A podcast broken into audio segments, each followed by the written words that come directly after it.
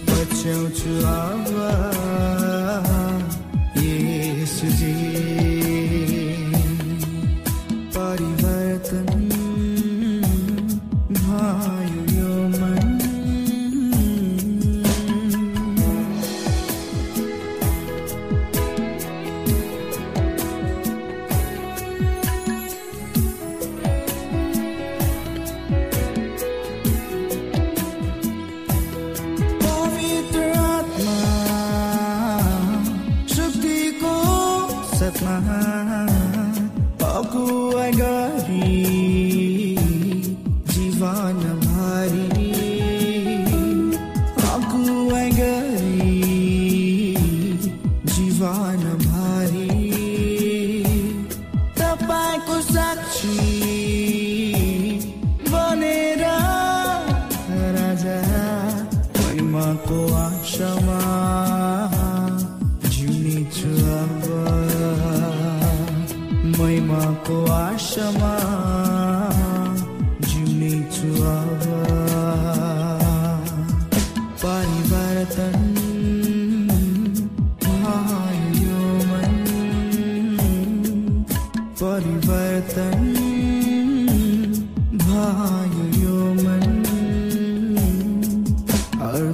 यो समय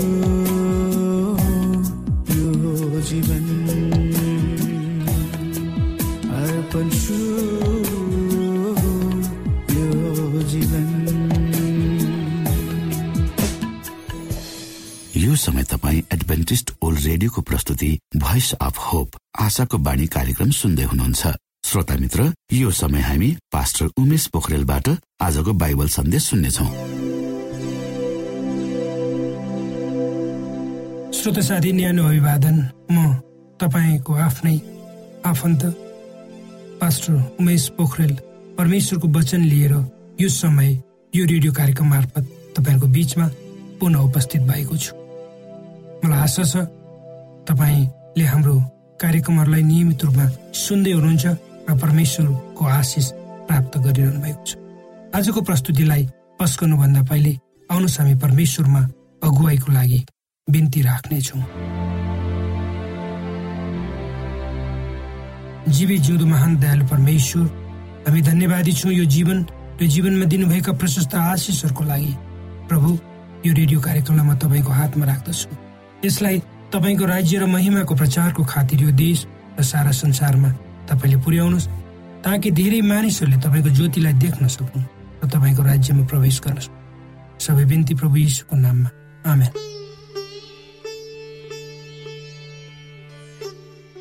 श्रोत साथी म आजको प्रस्तुति तपाईँ हामी सबैको चासोको विषय छ त्यसलाई लिएर गर्नेछौँ। तपाईँको बुवाको विषयमा। तपाईँको बुवा कस्तो हुनुहुन्छ? के उहाँ तपाईँसँग आफ्नो समय बिताउन चाहनुहुन्छ? अथवा आफ्नो कामसँग मात्रै मतलब राख्नुहुन्छ? के उहाँ धेरै पैसा कमाउनुहुन्छ? र कमाउने कुरामा मात्र लागिरहनुहुन्छ? के उहाँ अझै जीवित हुनुहुन्छ? उहाँको मृत्यु भइसके के तपाईँ जान्नुहुन्छ कि उहाँले तपाईँलाई प्रेम गर्नुहुन्थ्यो? वा हुन्छ? यी प्रश्नहरू। सबैका निम्ति सान्दर्भिक प्रश्नहरू। सबैको मनमा उठ्ने प्रश्नहरू। म दुईटा छोराको बाबु हुँ। मेरो जेठो छोरा बाह्र वर्षको भयो भने सानो करिब बत्तीस महिनाको छ। यी दुई छोराहरू मसँग सुत्न मन पराउँछन् मसँग खेल्न र मेरो ढाडमा चढ्न आदि धेरै कुराहरू मसँग गर्न मन पराउँछ। जब म घरबाट केही दिनको निम्ति बाहिर जान्छु मेरो जेठो छोरो रुन्छ र कम्प्युटरबाट मसँग कुरा गर्न रातो रहन्छ। भने सानो छोरो बालकै छ ऊ सोध्छ सानो कम्प्युटरभित्र उसको बाबा छ र ऊ आफ्नो दाजुलाई तोते बोलीद्वारा कम्प्युटर खोल ड्याडी ड्याडी त्यहाँ छ भनेर भन्छ। म एक व्यस्त व्यक्ति हुँ। मेरो अगाडि मैले गर्नुपर्ने कामहरूको लाइन लागेको छ। ठिक समयमा सबै कुराहरू सक्नुपर्छ किनकि समय आफ्नै गतिमा दौडिरहेको छ र कसैले र यसले कसैलाई पर्खिँदैन। तर पनि मेरो निम्ति मेरो परिवार मेरा नानीहरू महत्त्वपूर्ण छन् र म जति सक्छु उनीहरूको निम्ति समय दिने कोसिस गर्छु। र त्यसैले त होला म मेरो नानीहरूसँग अति नजिक छु र उनीहरू मसँग त्यति नै नजिक छन् र मेरो पहिलो प्राथमिकतामा उनीहरू पर्छन्। र म जति नै व्यस्त भए पनि उनीहरूलाई माया गर्न अँगालो मार्न र उनीहरूका कुरा सुन्न र उनीहरूसँग खेल्न आतुर हुन्छु र सक्दो गर्छु पनि। एउटा प्रख्यात लेखक जसको नाम जोन छ उनले आफ्नो पुस्तकमा एउटा केटो कसरी हुर्कियो भन्ने विषयमा यसरी वर्णन गर्दछ। मेरो साथीले भन्यो कि जब ऊ सानो केटो थियो उनी आफ्नो बुबाको अध्ययन गर्ने कोठाको बाहिर ढोकामा रातभरि उभिरहन्थ्यो। ढोका भित्रबाट लगाइएको हुन्थ्यो। उसका बाबु आफ्नो काममा मात्र तल्लीन हुने व्यक्ति थिए र उनीसँग आफ्नो सानो छोरालाई माया गर्ने वा देखाउने समय थिएन तर पनि त्यो केटो प्रत्येक रात अबेरसम्म आँखाबाट आँसु झार्दै आफ्नो बाबुको पढ्ने कोठा बाहिर पर्खेर बस्थ्यो। र सानो सानो कागजमा आफ्नो बाबुलाई चिठी लेखेर ढोकाको तल्लो भागबाट छिराएर भित्र पठाउँथ्यो। आशा गर्दथ्यो कि उसको बाबुले उसका चिठीहरूको उत्तर लेखेर पठाउनेछ तर कहिले पनि उसले आफ्नो बाबुबाट कुनै पत्रको जवाफ पाएन। त्यो सानो केटो आफ्नो बाबुलाई प्रेम गर्थ्यो र उसलाई पनि उसको बाबुले प्रेम गरोस् उसँग समय बिताओस्। भन्ने ठुलो चाहना थियो। त्यसैको निम्ति ऊ पर्खिबस्थ्यो त्यो सानो बच्चा के तपाईँको बुबा त्यस्तो हुनुहुन्छ? के त्यस्तो बुबालाई तपाईँ मन पराउनुहुन्छ? यहाँ मैले कसैलाई न्याय गर्न खोजेको होइन श्रोता। न कि कसैको पनि बुबा नराम्रो हुनुहुन्छ हुनुहुन्छ भनी भन्न खोजेको। तर हाम्रा नानीहरू हाम्रो लागि परमेश्वरका उपहार हो तिनीहरू जब साना छन् दिन प्रतिदिन हुर्कन्छन्। हाम्रो प्रेम हाम्रो हेरचाह हाम्रो समय उनीहरूलाई चाहिन्छ। मानव तपाईँ र मैले आफ्नो बारीमा तरकारी रोप्यौँ र त्यो उम्रियो र त्यसलाई हामीले हेरचाह मलजल पानी दिएनौँ भने अर्थात् त्यो बिरुवासँग हामीले समय बिताएनौँ भने उक्त बिरुवा बढ्न सक्दैन। हुनसक्छ मर्न पनि सक्छ। बढिहाले पनि त्यसले फल फलाउँदैन। त्यही कुरो हाम्रा नानीहरूमा पनि लागु हुन्छ। के यो विषयमा तपाईँ हामी सचेत छौँ? श्रोत साथी हामी प्रत्येक व्यक्ति प्रेमका भोका हुन्छौँ। हामीलाई कसैले प्रेम गरोस् हाम्रो हेरचाह गरोस् हामीसँग समय बिताओस् भन्ने लाग्छ। यो मानवीय स्वभाव हो। यो स्वभाव हामीले परमेश्वरबाट प्राप्त गरेका हो। हामीले हाम्रो जीवनमा जतिसुकै प्रगति किन नगरौँ? हाम्रो सामाजिक मान मर्यादा जतिसुकै उच्च किन नहोस्? यदि तपाईँ र म आफ्नो निम्ति मात्रै जिउँछु भने हाम्रा उपलब्धिहरू हामीले प्राप्त गरेका सामाजिक मान मर्यादाले हामीलाई शान्ति आनन्द दिन सक्दैनन्। र जबसम्म तिनलाई हामीले मानवीय भावनाद्वारा परिचालित गर्दैनौँ। अर्थात् जबसम्म तपाईँ र मैले शर्त बिना कसैलाई आफ्नो प्रेम दिन सक्दैनौँ आफ्नो समय उनीहरूसँग बिताउन सक्दैनौँ तबसम्म यथार्थमा हामीले जीवनमा केही हासिल गर्न सकेका हुँदैन श्रोता। श्रोता साथी हामी आमा बुवाहरू सबै आफ्ना नानीहरूलाई जति सकिन्छ प्रेम बाँड्न चाहन्छौँ आतुर रहन्छौँ। आफ्ना सन्तानको निम्ति हामी जे गर्न पनि तयार हुन्छौँ। त्यो कुरा हामीले आफ्नै जीवनमा अनुभव गरेका छौँ वा गर्नेछौँ। पवित्र धर्मशास्त्र बाइबलको नयाँ नियममा जब प्रभु यीशु क्रिस्टले जोडन नदीमा यहुन्ना बत्तीसमा दिनेको हातबाट बत्तीसमा लिएर पानीबाट बाहिर निस्कनु भयो तब यस्तो आवाज यस्तो भाषामा उहाँको कामको पैतृय अनुमोदन भयो।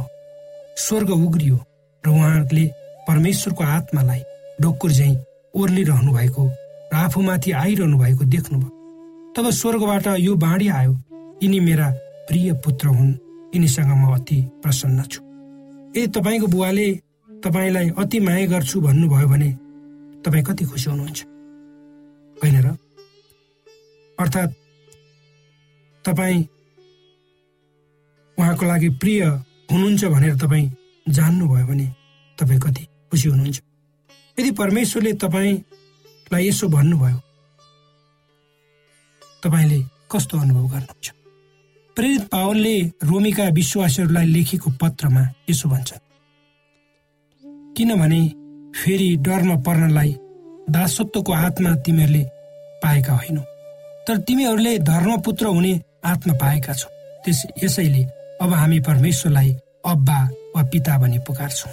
हो श्रोता हामी आफ्नो पिता वा अब्बालाई जुनसुकै समय वा अवस्थामा पुकार्न सक्छौँ। उहाँको निम्ति उहाँ हाम्रो निम्ति जे पनि गर्न तयार हुनुहुन्छ। जसरी प्रभु येसु क्रिस्टले आफ्नो पितालाई पुकार्नुहुन्छ त्यसै गरी तपाईँ र मैले पनि अब्बाको रूपमा उहाँलाई पुकार्न सक्छौँ। उहाँसँग सम्बन्ध स्थापित गर्न सक्छौँ। अब्बा भन्ने शब्द जब एउटा सानो बालकले आफ्नो जीवनमा पहिलो आवाज निकाल्छ। त्यसले भन्छ अ बा।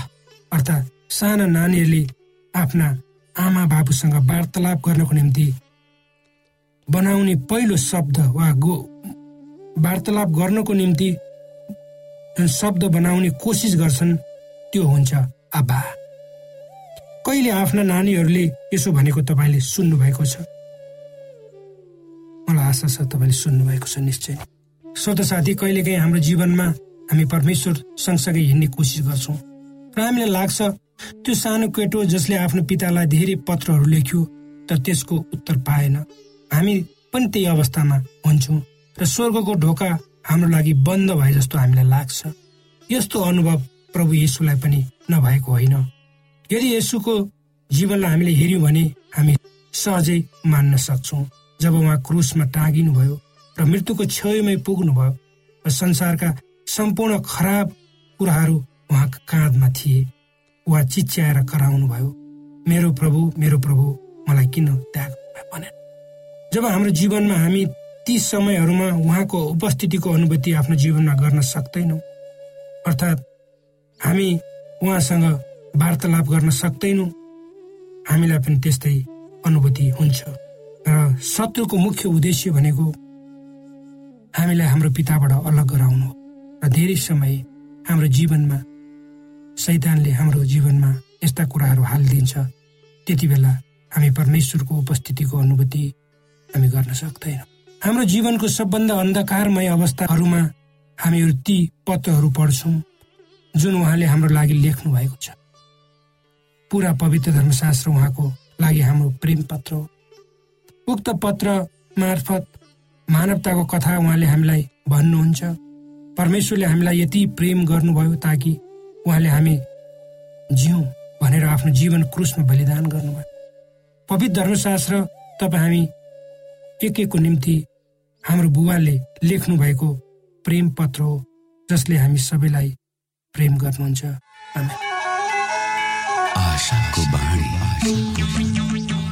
श्रोता भर्खरै यहाँले पास्टर उमेश पोखरेलबाट बाइबल वचन सुन्नुभयो। यो समय तपाईँ एडभेन्टिस्ट ओल्ड रेडियोको प्रस्तुति भोइस अफ होप आशाको बाणी कार्यक्रम सुन्दै हुनुहुन्छ। कार्यक्रम सुनेर बस्नुहुने सबै श्रोतालाई हामी हाम्रो कार्यक्रममा स्वागत गर्न चाहन्छौ।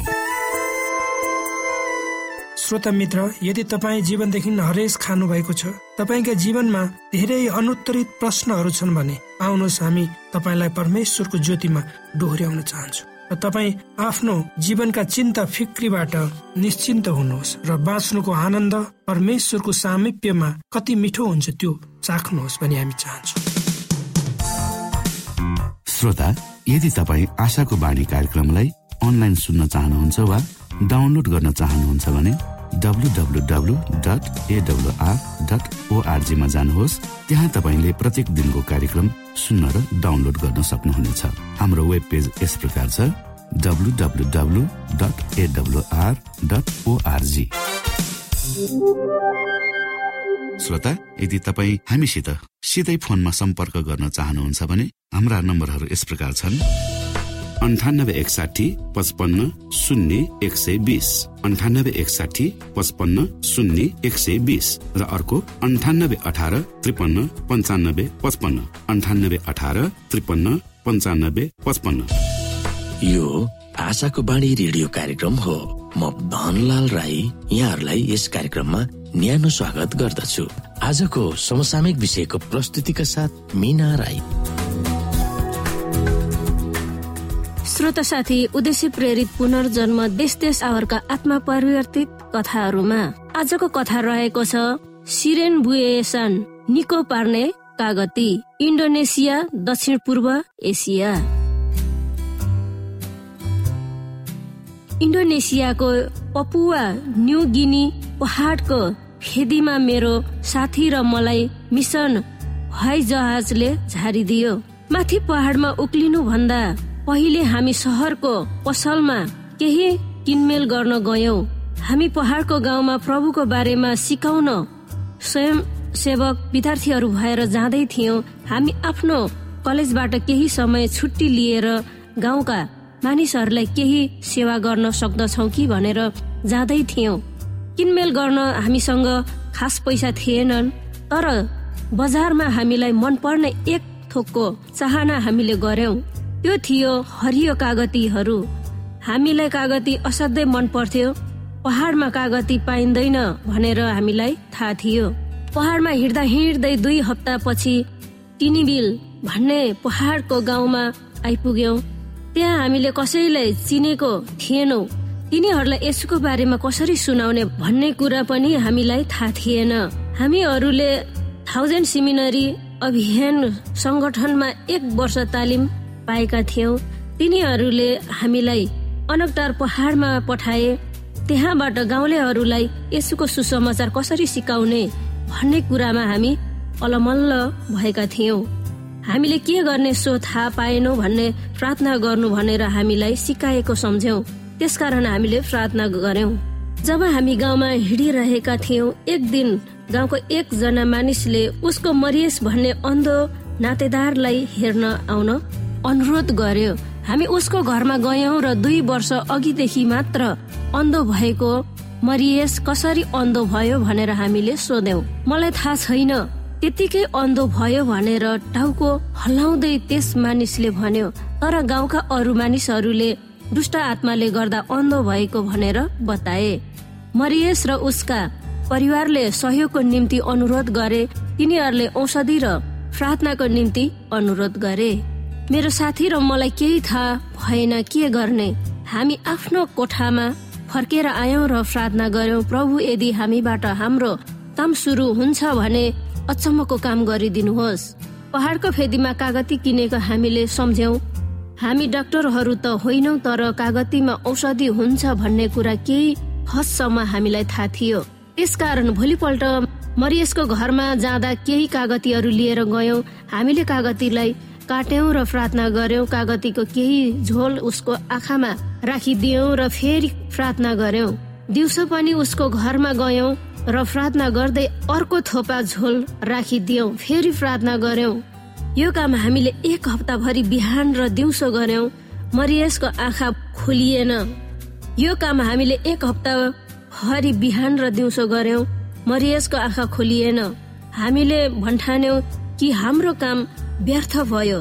तर दुई हप्तापछि हामीलाई मरियसले भन्यो कि दुई वर्षपछि सबभन्दा पहिले उसले केही न केही प्रकाश देखेको छ। हामीलाई हौसला बढेर फेरि प्रार्थना गर्यौं। श्रोता एक महिनापछि मरियसले एक दिन भन्यो कि ऊ अलिकति देख्न सक्ने भएको छ। त्यही दिन हामीहरूले कागती सकिएको थियो। त्यो कुरा मरियसलाई हामीले भनेनौ।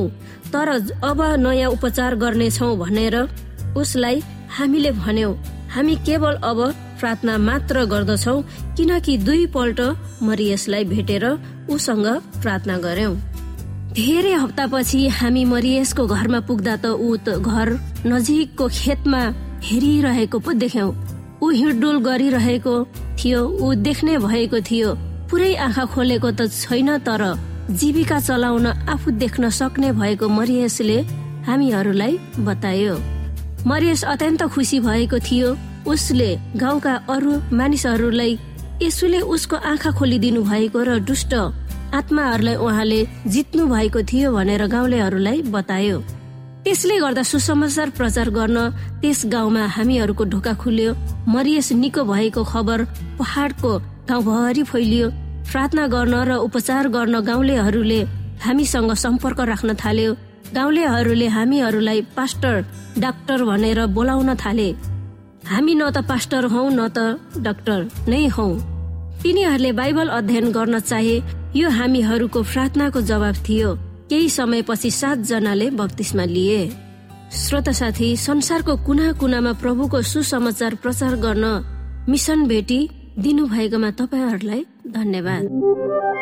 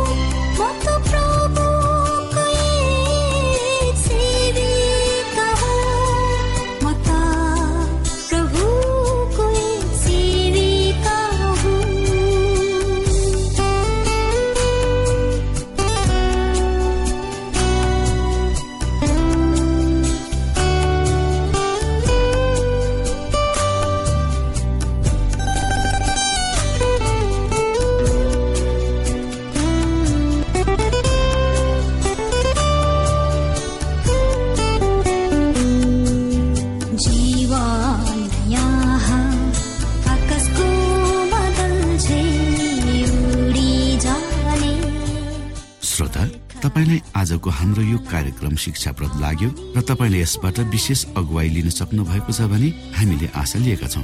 हामीसँग पत्राचार गर्ने हाम्रो ठेगाना यस प्रकार छ। आशाको बाणी पोस्ट बक्स नम्बर दुई शून्य शून्य शून्य दुई काठमाडौँ नेपाल। श्रोता यदि तपाईँ हाम्रो स्टुडियोको नम्बरमा सम्पर्क गर्न चाहनुहुन्छ भने हाम्रा नम्बरहरू यस प्रकार छन्। अन्ठानब्बे एकसाठी पचपन्न शून्य एक सय बिस। अन्ठानब्बे एकसाठी पचपन्न शून्य एक सय बिस। र अर्को अन्ठानब्बे अठार त्रिपन्न पन्चानब्बे पचपन्न। अन्ठानब्बे अठार त्रिपन्न पन्चानब्बे पचपन्न। श्रोता तपाईँ हामीलाई इमेल पनि गर्न सक्नुहुन्छ। हाम्रो इमेल एड्रेस यस प्रकार छ Nepal at AWR dot ORG Nepal at AWR dot ORG यदि तपाईँ हामीलाई अनलाइन सुन्न चाहनुहुन्छ वा डाउनलोड गर्न चाहनुहुन्छ भने तपाईँ W W W dot AWR dot ओआरजीमा जानुहोस् र त्यहाँ तपाईँले हाम्रो सबै कार्यक्रमहरू सुन्न सक्नुहुनेछ। हवस् त श्रोता भोलि फेरि यही स्टेशन र यही समयमा यहाँसँग भेट्ने आशा राख्दै प्राविधिक साथी राजेश पास्टर उमेश पोखरेल र कार्यक्रम प्रस्तुता म रवि। यहाँसँग विदा माग्दछौ। नमस्कार।